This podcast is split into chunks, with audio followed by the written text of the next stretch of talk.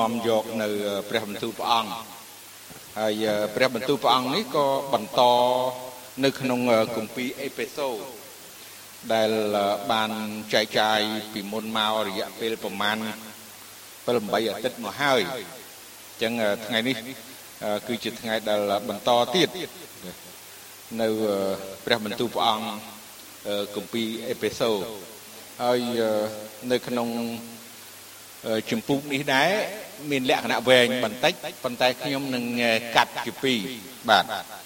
កាត់ជាពីរសម្រាប់អាទិត្យនេះហើយនិងអាទិត្យក្រោយព្រោះមានខគម្ពីររហូតដល់ច្រើនជាង3ដណ្ដប់គម្ពីរ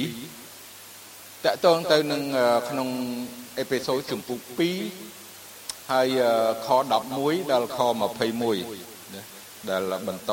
ពីអាទិត្យមុនមកប្រហែលអាទិត្យមុនដែលយើងមិនបានថ្វាយបង្គំមុននឹងយើងបានស្ដាប់នៅព្រះបន្ទូលព្រះអង្គដែលមានសារៈសំខាន់មួយនេះសូមឲ្យយើងបានរួមចិត្តហើយអធិដ្ឋានទៅព្រះអង្គជាមួយខ្ញុំសូមប្រពោព្រះអង្គជាមួយគ្នាអោព្រះវរបិតានៃយើងខ្ញុំដែលគង់នៅឋានសួគ៌ទូបង្គំសូមអរគុណព្រះអង្គណាស់អរគុណព្រះអង្គជាខ្លាំង អរគុណព្រះអង្គដែលព្រះអង្គបានប្រទានឲ្យទូបង្គំបានលើកយកនៅព្រះបន្ទូលរបស់ព្រះអង្គដើម្បីនឹងចែកចាយដល់បងប្អូនពុជំនុំនៅថ្ងៃនេះ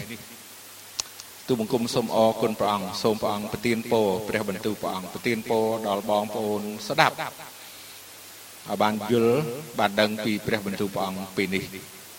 បងហើយទូបង្គំសូម យាងប្រវត្តិមានរបស់ព្រះអង្គបានគង់នៅជាមួយទូបង្គំយើងខ្ញុំទាំងអស់គ្នាពេលនេះទូបង្គំសូមអរគុណដល់ព្រះអង្គទូបង្គំសូមអធិដ្ឋានអរគុណទ្រង់ពេលនេះក្នុងព្រះនាមព្រះម្ចាស់ព្រះយេស៊ូវគ្រីស្ទអាមែននៅក្នុងគម្ពីរអេពេសូជំពូក2ខ11ដល់ខ21ដូច្នេះ ចូលនឹកចាំថាកាលពីដើម អ្នករាល់គ្នាជាសះដតីខាងសាច់ឈាម ដែលពួកទទួលកាត់ស្បែកក្នុងសាច់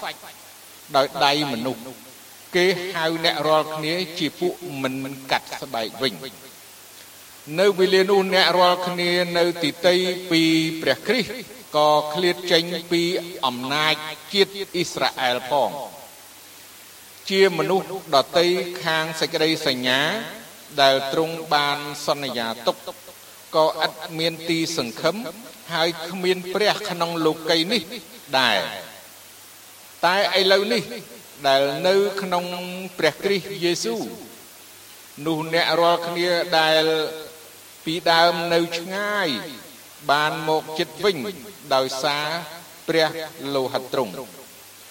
ត្បិតទ្រង់ជាស្ពានមេត្រីនៃយើងរាល់គ្នាទ្រង់បានធ្វើឲ្យទាំងពីររួមគ្នាតែមួយរុះជញ្ជាំងដែលខណ្ឌកណ្ដាលចេញព្រមទាំងបំបត្តិសេចក្តីសំអប់គ្នាដោយនៅរូបសាច់ទ្រង់គឺបំបត្តិក្រិតវិន័យដែលមានបញ្ញត្តិនិងសេចក្តីហាម5ទាំងប៉ុន្មានចេញ ដើម្បីឲ្យបានយកទាំងពីរមកបង្កើតជាមនុស្សថ្មីតែមួយក្នុងព្រះអង្គទ្រង់ដោយតាំងជាស្ពានមេត្រីឲ្យហើយឲ្យទ្រង់បានផ្សះផ្សាទាំងពីរនឹងព្រះ ក្នុងរូបកាយតែមួយ ដោយសារឈើឆ្កាងព្រមទាំងរំងាប់សេចក្តីសំអប់គ្នា ដោយឈឺឆ្កាង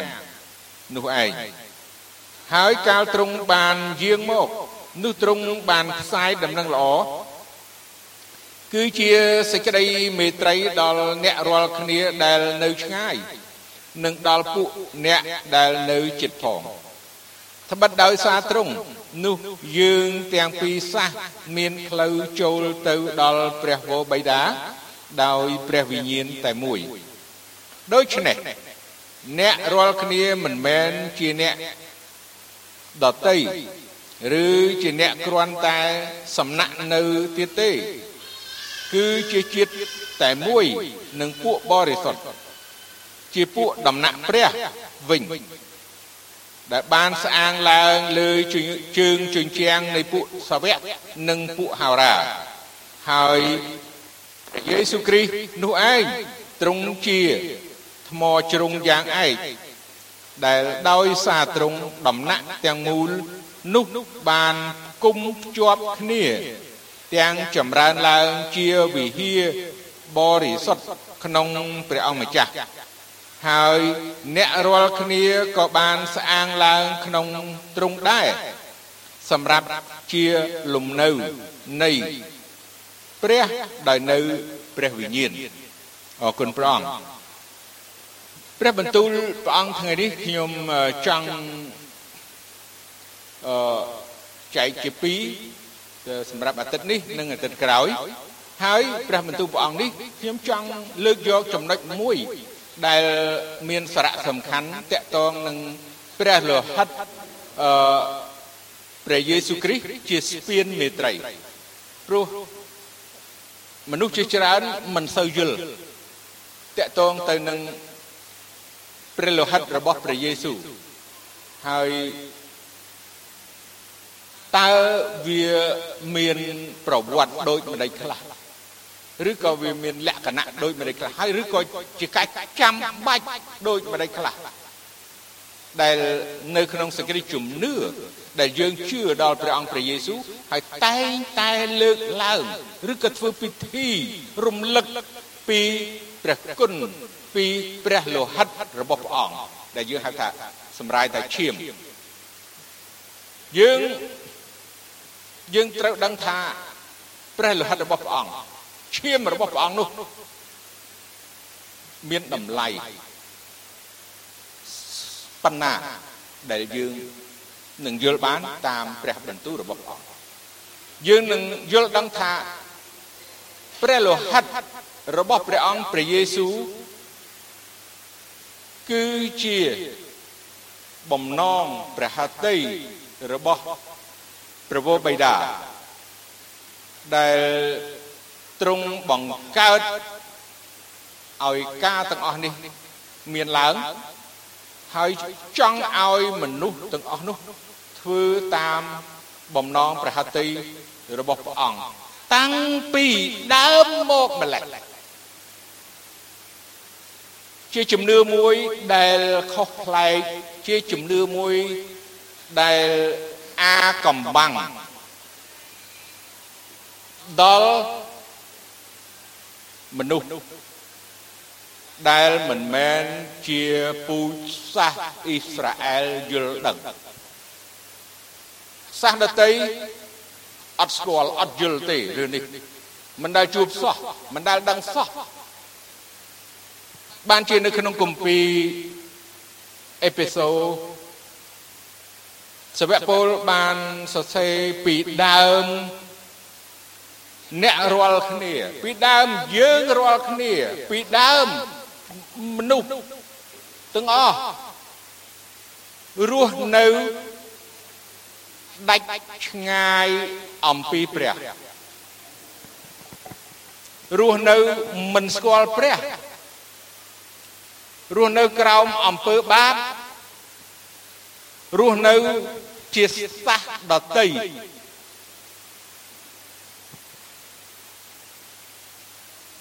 មានតែសាសអ៊ីស្រាអែលមួយទេដែលព្រះទ្រង់បានជ្រើសរើសហើយទ្រង់បានផ្ដល់ប្រទាននៅបទ បញ្ញត្តិច្បាប់ឲ្យមនុស្សអាចនឹងទទួលនៅការទំនាក់ទំនងឬក៏ថ្វាយបង្គំព្រះអង្គដោយធ្វើពិធីយ៉ាញ់បូជាផ្សេងផ្សេងហើយនឹងយកឈាមសัตว์យកប្រើពេលនោះចឹង ដើម្បីឲ្យយើងបានយល់ពីដើមរហូតមកដល់នាបច្ចុប្បន្ននេះតកតងទៅនឹង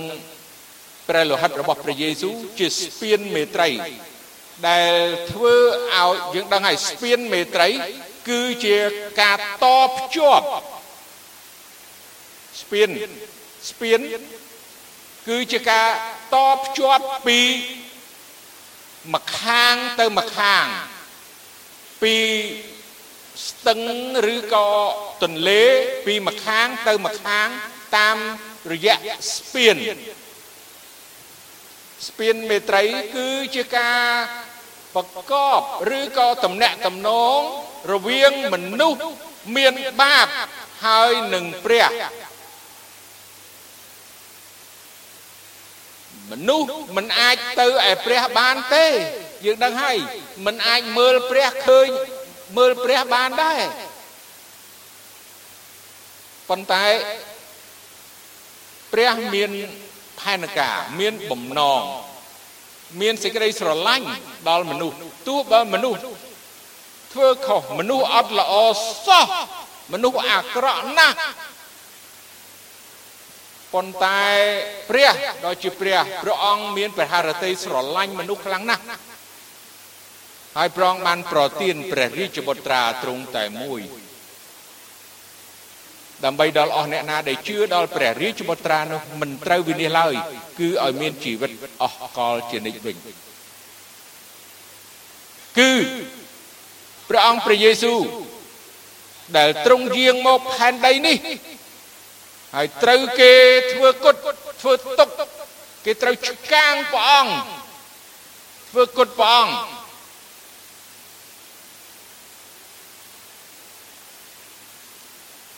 យើងឃើញថា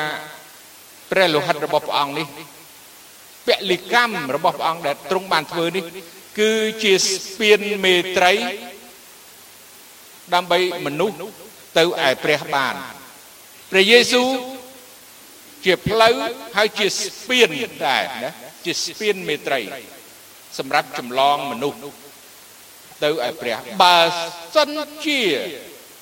មិន ទៅតាមស្ពានឆ្លងតាមរយៈព្រះអង្គព្រះយេស៊ូវទេយើងដឹងហើយគ្មានអ្នកណាម្នាក់អាចនឹងទៅឯនគរព្រះបានឡើយព្រោះជាទង្វើដែលគេធ្វើព្រោះជាអំពើបាបរបស់គេ លើកលែងតែតាមរយៈព្រះលោហិតនៃព្រះយេស៊ូវគ្រីស្ទជាព្រះរាជបុត្រា របស់ព្រះហើយជាស្ពានមេត្រី តែប៉ុណ្ណោះអញ្ចឹងថ្ងៃនេះយើងនឹងរៀនអំពីព្រះលោហិតរបស់ព្រះយេស៊ូវជាស្ពានមេត្រីសូមឲ្យយើងមើលនៅក្នុងគម្ពីរនិកខេបណាំងជំពូក12ហើយនៅក្នុងខ13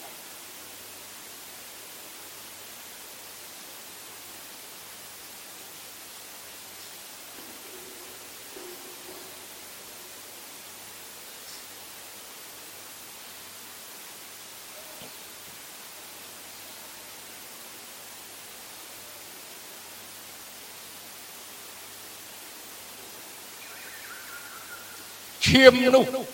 នឹងបានជាទីសង្កល់សម្រាប់រាល់គ្នានៅផ្ទះណារាល់គ្នាអាស្រ័យនៅ កាលណាអញឃើញឈាម នោះអញនឹងរំលងផុតពីឯងរាល់គ្នាទៅ ហើយនឹងគ្មានសេចក្តីវេទនាណា បំផ្លាញឯងរាល់គ្នា ក្នុងវេលាដែលអញវាយស្រុកអេស៊ីប នោះឡើយពេលវេលាដែលរឿងនេះបានកើតឡើង3500ឆ្នាំកន្លងទៅហើយជាង3000ឆ្នាំហើយយើងឃើញថាព្រះបានរំដោះពួកអ៊ីស្រាអែលចេញពីប្រទេសអេស៊ីបហើយជាលើកដំបូងហើយដែល រឿងនេះបានកើតឡើងហើយគឺជាការដែលព្រះអង្គបានបង្រៀនដល់រាជរបស់ព្រះអង្គដើម្បីឲ្យគេបានរួចផុតពីសេចក្តីជំនុំជម្រះនៅក្នុងស្រុកអេស៊ីបដែលព្រះអង្គបានសម្លាប់កូនច្បងរបស់ពួកសាសអេស៊ីបតាំងពីកូនស្ដេចរហូតទៅដល់ខ្ញុំបំរើ នឹងសัตว์ឲ្យតែកើតមុនគេព្រះបានឲ្យសញ្ញាឲ្យលៀបឈាមរបស់សត្វនេះនៅនឹងក្របទ្វាររបស់គេ ប្រយោជន៍ឲ្យគេបានរួចពីការជំនុំជម្រះរបស់ព្រះអង្គពេលដែលទេវតាធ្វើដំណើរយាងមក ហើយតតឃើញផ្ទះណាដែលមានឈាមនៅនឹងក្របទ្វារនោះគឺជាសញ្ញាដែលមេបំផ្លាញត្រូវរំលងផ្ទះនោះបានន័យថាអ្នកនោះគ្រួសារនោះនឹងបានរួចនេះជាសញ្ញាដែលព្រះទ្រង់សពហាតីធ្វើនៅក្នុង សង្គមមួយប្រទេសមួយដែលច្បោកច្បល់អ្នកដែលជារិះរបស់ព្រះអង្គនិងសាសអេស៊ីប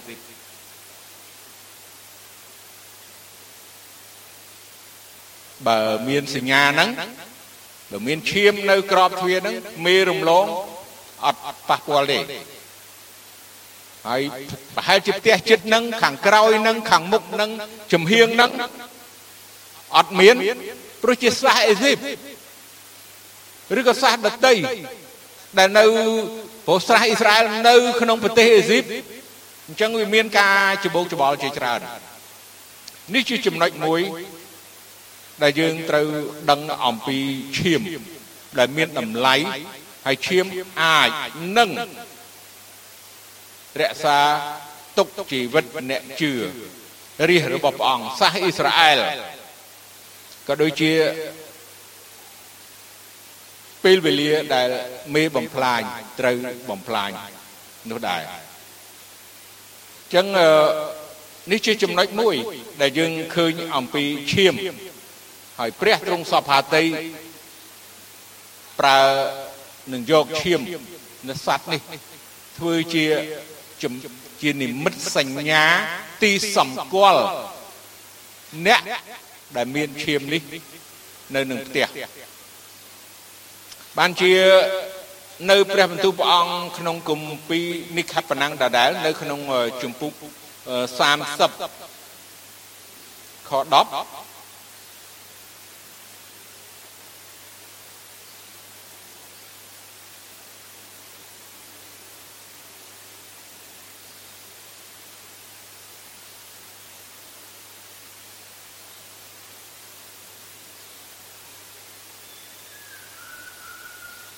1030ខ10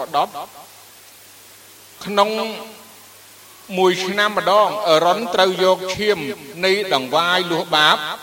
ដែលថ្វាយសម្រាប់ឲ្យធួននឹងបាបមក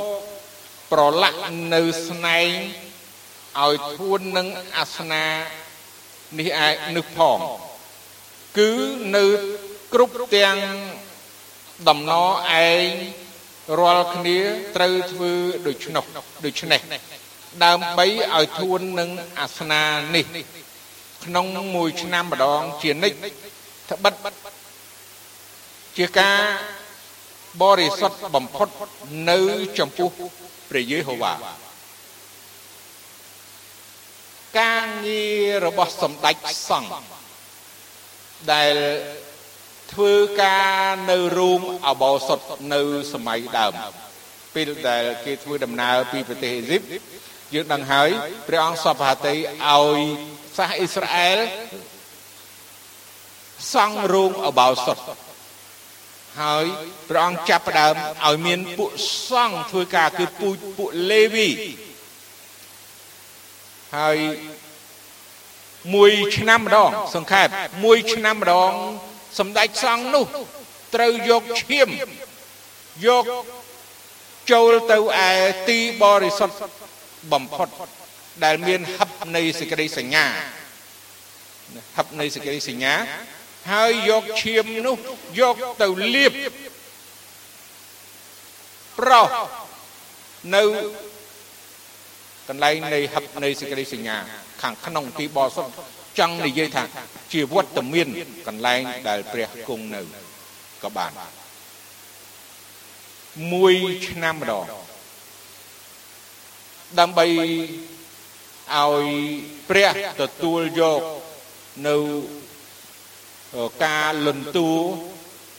ការអត់ទោសបាបសូមសេចក្តីមេត្តាករុណាពីព្រះអង្គដល់រាជអ៊ីស្រាអែលទាំងមូល មិនមែនសម្រាប់តែម្នាក់ទេព្រោះមួយឆ្នាំម្ដងហើយសម្ដេចសង្ឃធ្វើនឹងគឺសម្រាប់ពួកអ៊ីស្រាអែលទាំងអស់នឹងតែម្ដងឈាមនៃសត្វពេលនោះសូមមើលនៅក្នុងលេវីវិន័យជំពូក17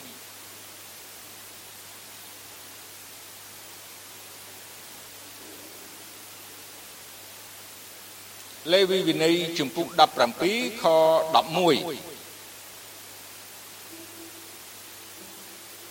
ត្បិតជីវិតនៃរូបសាច់នោះនៅក្នុងឈាម ហើយអញបានឲ្យឈាមដល់ឯងរាល់គ្នា សម្រាប់នឹងថ្វាយនៅលើអាសនាដើម្បីឲ្យបានធួននឹងជីវិតឯងត្បិត គឺជាឈាមនោះឯងដែលធួននឹងប្រលឹងបាននេះដែលប្រងបានបញ្ជាក់បានប្រាប់ឲ្យលោកម៉ូសេសរសេរច្បាស់លាស់ពិតប្រកបតកតងទៅនឹងជីវិតនោះជីវិតរូបសាច់ទាំងមូលនោះគឺនៅក្នុងឈាមហើយឃើញថា សម្រាប់នឹងថ្វាយនៅលើអាសនា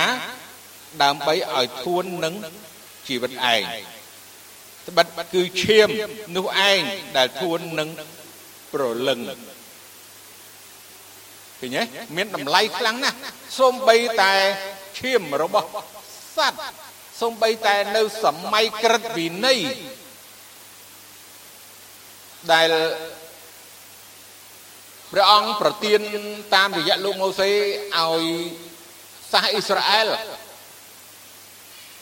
ថ្វាយឈាមថ្វាយចាញ់បូជាណាជាជាឈាមរបស់សត្វនោះហើយនឹងអាចធូនបានន័យថាស្មើប្រលឹងរបស់មនុស្សនេះតម្លៃมันអាចនឹងប្រៀបបាន ឥឡូវសូមឲ្យយើងមើលនៅក្នុងគម្ពីរហេព្រើរជំពូក9ខ7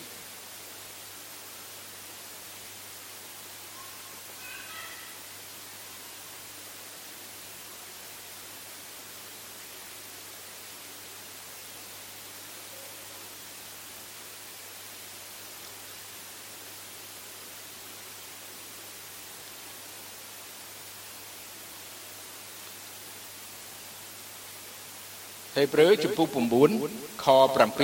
7តែឯផ្នែកខាងក្នុងនោះមានតែសម្ដេចសង្ឃតែឯងប៉ុណ្ណោះដែលចូលទៅបានក្នុងមួយមួយដងក៏មិនមែនឥតយកឈាមដែលលោកថ្វាយដោយព្រោះខ្លួនលោកនិងអំពើបាបដែលប្រជាជនប្រព្រឹត្តដោយឥតដឹងនោះដែរ នេះគម្ពីរហេព្រើរក៏បានដកស្រង់ចេញពីគម្ពីរសញ្ញាចាស់គម្ពីរក្រឹតវិន័យបញ្ជាក់បង្ហាញតកតងពីតួនាទីសម្ដេចសង្ឃដែលត្រូវយកឈាមយកចូលទៅក្នុងអឺទីបរិសុទ្ធក្នុងមួយឆ្នាំម្ដងហើយ យើងឃើញបញ្ជាក់ចំណុចមួយថាសម្រាប់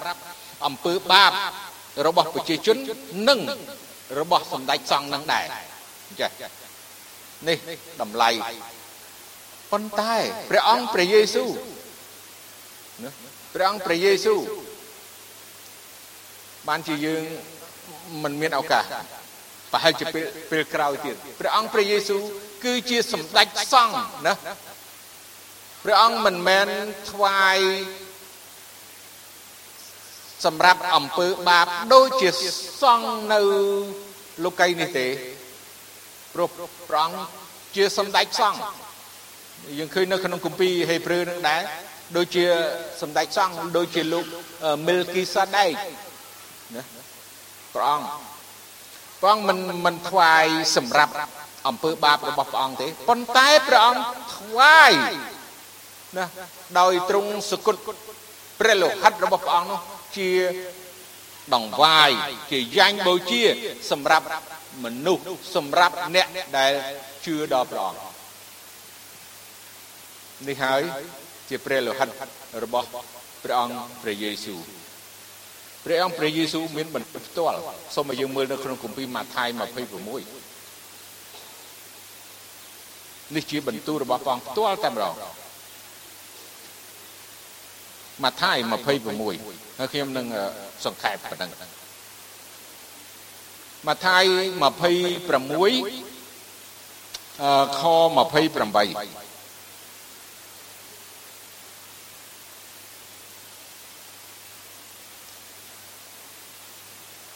យើងដឹងហើយនៅទីនេះត្បិតនេះជាឈាមខ្ញុំអ្នកណាគេព្រះអង្គព្រះយេស៊ូវទ្រង់មានបន្ទូលព្រះអង្គ ធ្វើពិធីលៀងព្រះម្ចាស់នៅយប់ចុងក្រោយ មុននឹងគេចាប់ព្រះអង្គមុននឹងព្រះអង្គយាងចូលទៅឯទៅឯសួនច្បារកេតសេម៉ានីនៅយប់នោះព្រះអង្គធ្វើពិធីនេះ មុននឹងព្រះអង្គយាងទៅសួនច្បារកេតសេម៉ានី ត្បិតនេះជាឈាមរបស់ខ្ញុំគឺឈាមព្រះអង្គព្រះយេស៊ូវគឺជាឈាមនៃសញ្ញាថ្មី ដែលបានជ្រោចេញសម្រាប់មនុស្សជាច្រើន ប្រយោជន៍និង